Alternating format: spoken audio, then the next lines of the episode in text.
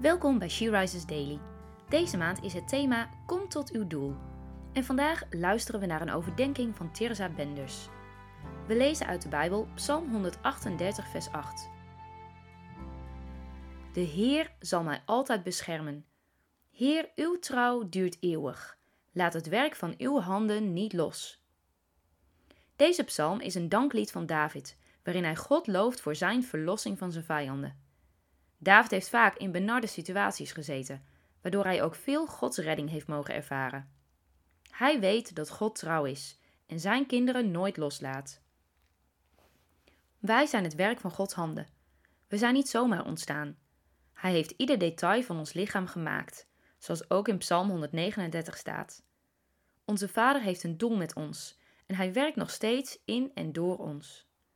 Misschien voelt het voor jou op het moment wel alsof de Heere God heel ver weg is.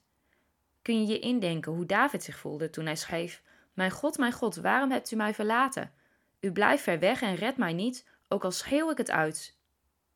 Klamp je dan vast aan het Bijbelvers van vandaag en weet dat deze woorden ook voor jou gelden. God beschermt jou. Hij is je trouw. Hij laat je nooit los.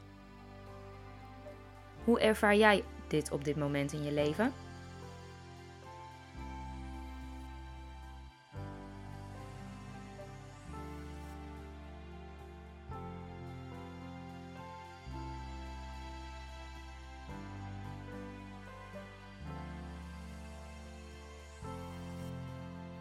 Laten we samen bidden. Vader, dank u wel voor wie u bent. Machtig en oneindig groot, maar ook beschermend, nabij en trouw. Dank u dat u redt uit benauwdende situaties en omziet naar mij.